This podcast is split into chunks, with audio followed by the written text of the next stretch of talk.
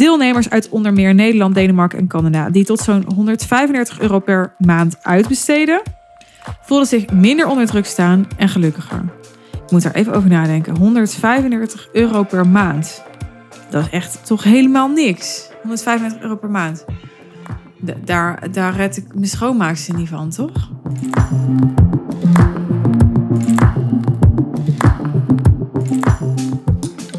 Kwam een artikel tegen in het Financieel Dagblad met als titel, misschien heb je hem ook voorbij zien komen, Werkster, tuinman, au pair.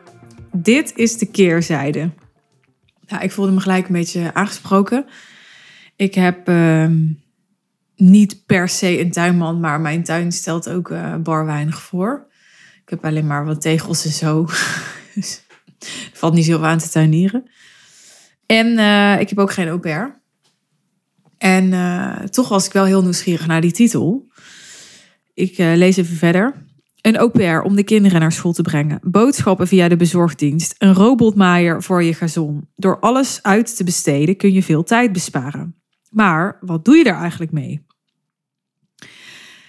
Nou, ik, ehm, ja, ik voelde me door dit introotje verder wel aangesproken. Omdat ik, eh, zoals je misschien weet, heb ik het ook eerder over gehad in andere podcasts. En ehm, ja, ze noemen het officieel familieassistent. Maar wij hebben natuurlijk maar een gezin met, eh, met twee. Dus ik vind familie al een groot woord.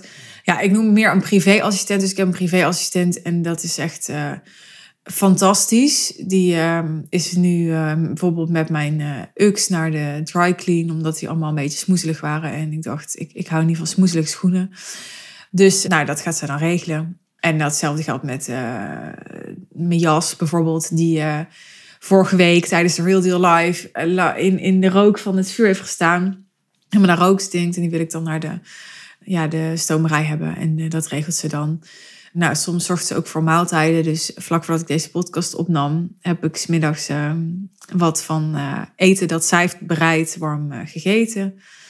Als mijn, eh, mijn hondje Abby ingeënt moet worden, dan gaat ze daarmee naar de dierenarts. Toen ik vorige week bij de Real Deal Live was en ik kreeg een berichtje dat er een pakketje voor mij lag bij de supermarkt, dan eh, stuur ik haar een berichtje. Ik kan ja dat pakketje ophalen. Ze pint het geld voor mijn schoonmaakster. Als de lampen het niet meer doen in huis, dan, vervangt ze die of ze zorgt dat die vervangen worden. Ja, ik heb een keer eh, een lekkage gehad, zelfs toen ik hier net woonde. Toen kwam er op een gegeven moment gewoon water uit mijn plafond langs mijn lamp. Toen het heel hard had geregend of zo en er iets verstopt zat. En dat was volgens mij de eerste keer dat ik haar belde zelfs. En eh, toen zei ik, ja, kan je me helpen? En eh, nou ja, dat heb ik ook een keer gehad eh, op een zondag dat ik wilde douchen. En ehm er kwam geen warm water meer uit mijn douche, want er was iets met mijn boiler of zoiets. Nou, in al dat soort situaties, kan het gek niet bedenken, dan bel ik haar. En dat vind ik echt enorm veel waard. Want het maakt echt het verschil tussen of ja, je hele zondag kunnen weggooien omdat je zelf shit moet regelen en je weet niet waar je moet beginnen. Wat natuurlijk ook vooral zo blijft als je het uitbesteedt, snap ik ook heel goed. Dus ik hou mezelf er ook een beetje dol mee. Maar toch, ik heb ehm, ja, voldoende in mijn leven wat ik, wat eh, vind ik, ehm, ja, mijn energie vraagt en waar ik mijn aandacht aan wil geven. En dat wil ik vooral niet aan dingen die ik eh, niet leuk vind, waar ik niet goed in ben en die ook ik niet per se hoef te doen. Daar zie ik gewoon echt het nut niet van in. Dus ik ben best wel heel erg van het delegeren. Ik heb daar geen moeite mee. Er zijn wel mensen die me een beetje een controlfreak vinden. Als in, ik vind het, ik hou er wel van als dingen precies zo gaan zoals ik ze wil. Dus in die zin kan ik er wel moeite mee hebben als iemand zijn eigen draai heeft aan de uitvoering of zo. Dat is wel een beetje zoeken. Maar ook dat gaat wel, wel beter, vind ik. Ik kan daarin en wel beter brieven en wel beter loslaten. Maar in dit artikel wat ik tegenkwam uh, van het Financieel Dagblad, gaat het erover: is het wel uh, wenselijk om zo te leven? Dus is het wel wenselijk om die tijd te besparen? En wat doe je daar dan eigenlijk mee? Dat was de vraag die werd gesteld. En natuurlijk komt dan in het artikel naar voren en bij de mensen die zijn geïnterviewd, dat ze die tijd gebruiken om um, ja, of met hun kinderen te zijn, of uh, aan hun werk te besteden, of iets anders te doen wat voor hen meer waard is dan die klusjes. Ik um, wil nog wel even een stukje voorlezen uit het artikel. Ik vond het gewoon best wel interessant. Naast de Filipijnse au pair komt er wekelijks een schoonmaakster, twee keer per maand een glazenwasser en regelmatig een personal trainer aan huis. Een robotgasmaaier onderhoudt het gezond en bij klussen in huis wordt er een timmerman, loodgieter of schilder gebeld. Nou, ik heb dus ook een schoonmaakster. Uh, geen glazenwasser, dat niet. Ik weet eigenlijk niet of er ooit iets met mijn glazen gebeurt, geen idee. Wel een personal trainer, waar ik wekelijks naartoe ga. En ja, ik klus ook niet aan huis hoor. Dus als er iets geschilderd of getimmerd moet worden, dan, uh, ja, dan, dan doe ik dat ook niet zelf. Oké, ik ga verder. Alle procesmatige zaken worden bewust uitbesteed, zodat Lisa en haar man zich kunnen richten op de dingen die ze belangrijk vinden. Ze werkt vier dagen, haar man vijf. Wanneer we thuis waarde kunnen toevoegen, zijn we betrokken. Zo bedenk ik wat we eten en ik bestel voor de hele week boodschappen. Maar onze au kookt. Nieuwe kleding en schoenen voor de kinderen bestel ik online. Wat niet past of niet mooi gevonden wordt, retourneert ze. Nou, dit herken ik eigenlijk ook allemaal wel. Ik uh, bestel zelf altijd boodschappen. En uh, ik ben nog beetje aan het zoeken met mijn assistent. Soms kookt zij dan van de boodschappen die ik heb besteld. Maar eigenlijk vindt ze het fijner om gewoon zelf te kunnen bedenken wat ze wil maken. En dan, nou ja, goed, daar hoef ik niet verder helemaal op in te gaan. Want dat is, voert een beetje ver voor deze aflevering. Maar ik kom vrijwel nooit in een supermarkt. Het moet echt zo zijn dat als ik ja, bijvoorbeeld een keer on the go ben of dacht, nou, ik, ik, uh, ik maak wel even de restjes op. En ik denk dan toch van, nou, ik heb echt even behoefte aan een fatsoenlijke maaltijd. Of in een uitzonderlijk geval. Maar ik denk dat ik zeker niet vaker dan één keer in de twee maanden in een supermarkt kom. En überhaupt kom ik amper in winkels. Dus eigenlijk alles wat ik nodig heb, bestel ik online. Ik hou helemaal niet meer van winkels. Dus als ik iets, ja, bijvoorbeeld vitamine D voor mijn dochter, dat bestel ik dan bij uh, Vlindal. En uh, kleren en schoenen en zo bestel ik allemaal online. Konijnenvoer, hondenvoer. Ja, schoonmaakmiddelen, alles.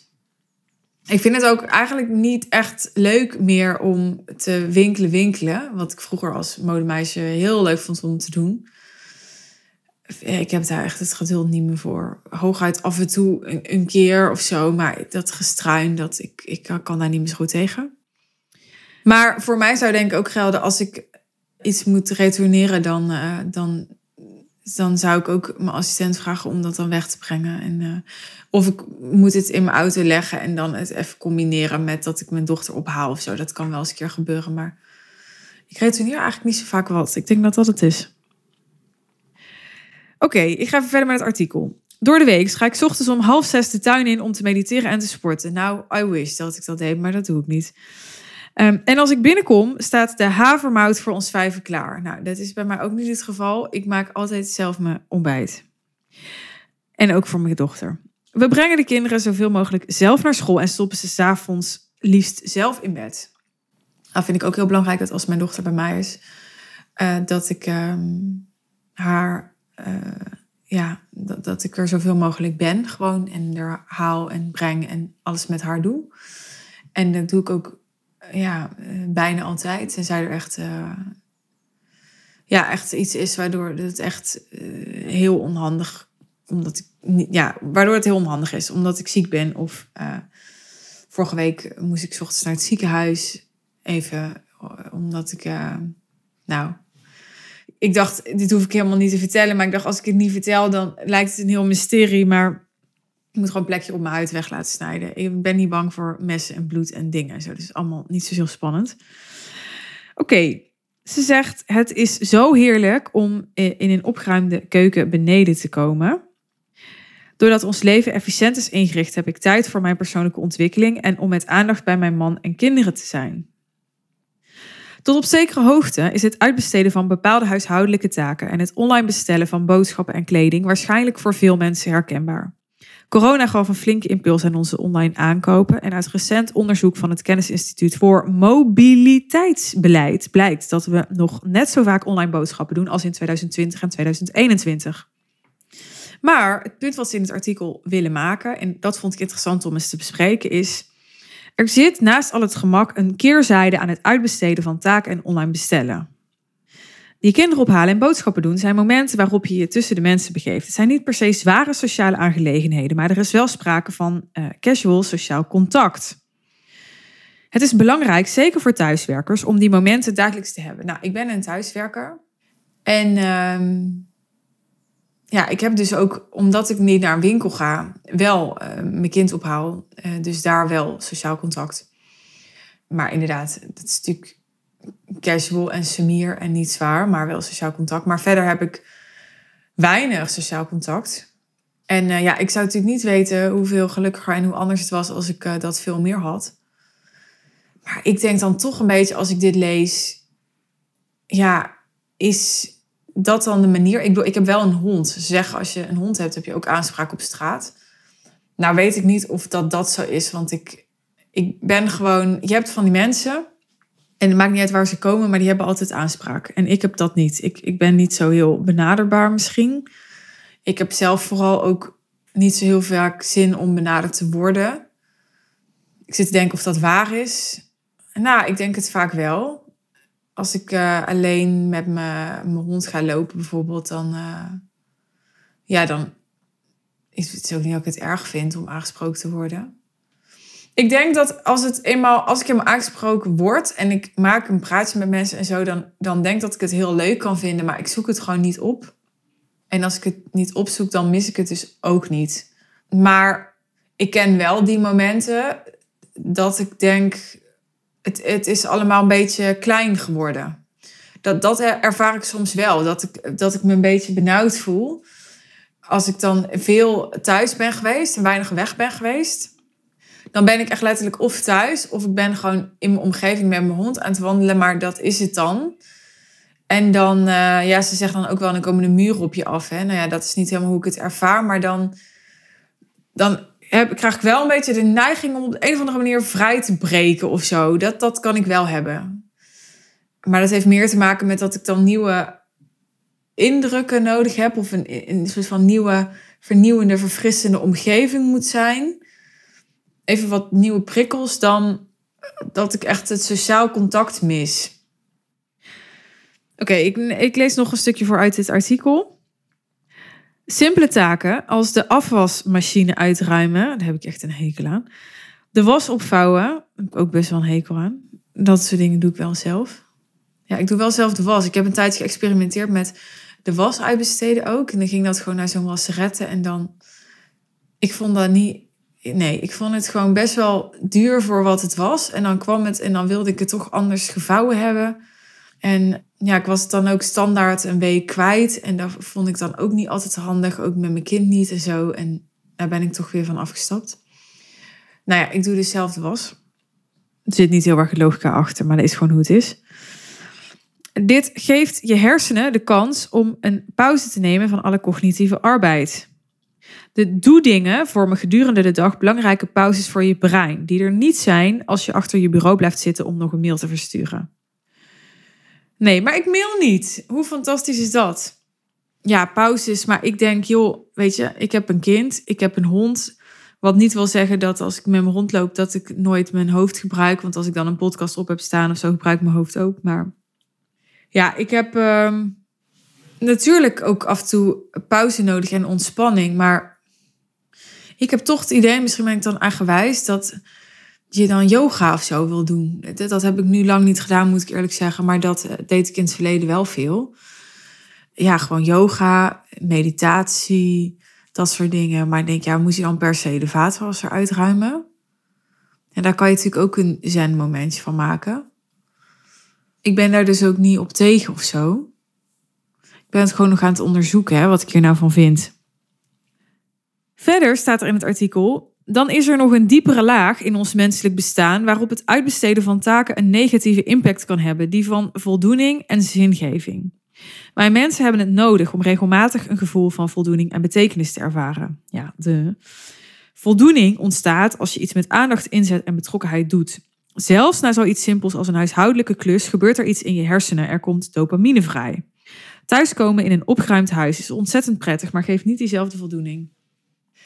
Ik snap best wel dat als mijn huis een pleurensooi is of wat dan ook, en ik ga op vrijdag een dag uh, mijn huis poetsen, of op zaterdag of whenever, dat ik me dan daarna heel voldaan voel, omdat ik mijn huis helemaal heb opgeruimd of gepoetst of wat dan ook. En dat dat ook een andere, uh, ja, een andere intensiteit van voldoening is dan dat iemand anders dat voor mij heeft gedaan. En ik denk toch, je kunt je voldoening ook echt volgens mij gewoon nog veel meer halen uit je werk en wat je betekent voor mensen. En ja, ik denk, we gaan dan ook een beetje voorbij aan het feit dat we volgens mij echt aan kapitaalvernietiging doen als we ja, als uh, succesvolle ondernemers uh, zelf de, de badkamer gaan schrobben. Het heeft niks te maken met dat ik me daar uh, te goed voor voel of zo. Heeft er gewoon mee te maken dat ik denk, ja, dat is volgens mij gewoon niet optimaal je energie besteden. Nou, het gaat verder. Eerlijk is eerlijk, in een druk leven kan het uitbesteden van een aantal taken lucht geven. Dat blijkt ook uit onderzoek dat het Amerikaanse wetenschappelijke tijdschrift Proceedings of the National Academy of Science in 2017 publiceerde. Uit deze studie naar de relatie tussen tijdbesparende diensten en geluk kwam het volgende naar voren. Deelnemers uit onder meer Nederland, Denemarken en Canada, die tot zo'n 135 euro per maand uitbesteden, voelden zich minder onder druk staan en gelukkiger. Ik moet daar even over nadenken. 135 euro per maand. Dat is echt toch helemaal niks. 135 euro per maand. daar, daar red ik mijn schoonmaakster niet van, toch? Oké. Maar bij deelnemers die meer dan 135 euro per maand uitgaven aan tijdbesparende diensten, nam dat gevoel van welbevinden af. Volgens de onderzoekers heeft dat te maken met het gevoel van controleverlies dat ontstaat als je elk onderdeel van je leven uitbesteedt. Nou ja, het is ehm, het is niet mijn ervaring, maar het is wel een geluid wat ik, uh, wat ik steeds meer hoor in een bredere tendens. Die gaat over dat, dat alleen maar zo efficiënt en zo productief en zo. Nou, misschien wel zo winstgevend mogelijk. Dat dat niet de, de, de primaire drijfveer uh, moet zijn, of het beste kan zijn, of dat mensen niet maar willen dat dat het is. Ik heb een tijd geleden een podcast opgenomen en die, uh, die heet Zijn we minder toe aan geld en meer aan zelfontplooiing? Aflevering 282. En daarin kaart ik dit eigenlijk al aan, dat, uh, dat is um, ja, zelfontplooiing, daar wordt steeds meer om geschreeuwd. En ontplooiing is maar een woord, maar je kan daar ook voldoening plaatsen of vervulling of ontwikkeling, um, expressie. Allemaal woorden, denk ik, ja, waar, waar steeds meer naar gesmacht wordt. En tegelijkertijd ben ik, ja, als je naar mijn visie vraagt, mijn visie wil weten. Ik geloof nog steeds heel erg in een simpel en heel winstgevend businessmodel waarbij je tijd en geld en flexibiliteit in overvloed creëert voor jezelf en voldoening en vervulling in overvloed. Dus niet alleen tijd en geld, maar dat je ook iets doet in die, die uh, paar dagen dat je werkt, waar je gewoon je echt heel erg voldaan door voelt. En dan heb je in de rest van de tijd heb je ruimte om te doen ja, waar je verder nog uh, behoefte aan hebt, waar je hart verder nog naar verlangt. En of dat, dat nou vrijwilligerswerk is, of stoeien met je kinderen, of uh, lange wandelingen maken met de hond extra tussendoor, of ja, van mijn part inderdaad uh, chit-chatten en casual sociaal contact hebben in de speeltuin. Maakt allemaal niet uit. Maar dat kun je dan zelf bepalen, zelf invullen. Ik denk nog steeds, wat ik althans zie, is dat nog steeds de meeste ondernemers te weinig uh, uitbesteden en delegeren. En niet omdat ik vind dat het te weinig is en omdat het om mijn norm gaat, maar omdat zij zelf niet toekomen aan waar ze wel aan toe willen komen. Terwijl ze nog wel tijd besteden aan dingen die gewoon niet zo heel relevant en interessant voor ze zijn. En ik denk, ja, dat is volgens mij juist een, een recept om aan het einde van de dag niet voldaan te zijn. Omdat je wel het gevoel hebt gehad dat je druk bent geweest, maar je was druk met uh, de kliko aan de straat zetten en zo. En dat keer, keer 80 verschillende taakjes. Ja, ik denk, daar word je als slimme ondernemer echt niet blij van. Maar ik uh, ben heel benieuwd naar jouw ervaring. Dus als je daar wat over wilt delen, ehm, laat gerust van je horen. Je kunt me bereiken via een DM op eh, Instagram of uh, LinkedIn. Dan ehm, ga ik deze aflevering voor nu afronden. Dankjewel voor het luisteren. Wil je op de hoogte blijven van de podcast die ik maak en ben je nog niet geabonneerd? Abonneer je op uh, de Suzanne van Schaik podcast via iTunes of klik even op volgen als je mijn podcast luistert via Spotify. Dankjewel alvast. Heb je mij nog geen uh, review of ranking gegeven en uh, ben je fan van de podcast? Dank je, dank je wel. Ik zou het enorm waarderen als je um, me vijf sterren wilt geven op iTunes of Spotify, zodat meer mensen deze content kunnen gaan vinden. En daarover gesproken, als jij zegt, oh, ik vind dit een interessant gesprek en ik wil uh, dit gesprek openen in mijn netwerk of ik wil meer mensen hierover na laten denken, in hoeverre ze nu uh, uitbesteden, delegeren en of dat meer of minder zou moeten zijn, wat voor hen optimaal is. Ik uh, waardeer het enorm als je deze aflevering deelt in je netwerk. Of een andere aflevering van mij die interessant voor je was. Want uh, ook op die manier help je me om meer ondernemers te bereiken en te helpen. Dan uh, ga ik afronden met te zeggen: ik wens je een hele mooie dag verder, een mooie avond als je de avond ingaat, of een mooie nacht als je dit uh, s'avonds laat nog luistert. En heel graag tot de volgende aflevering. Ciao!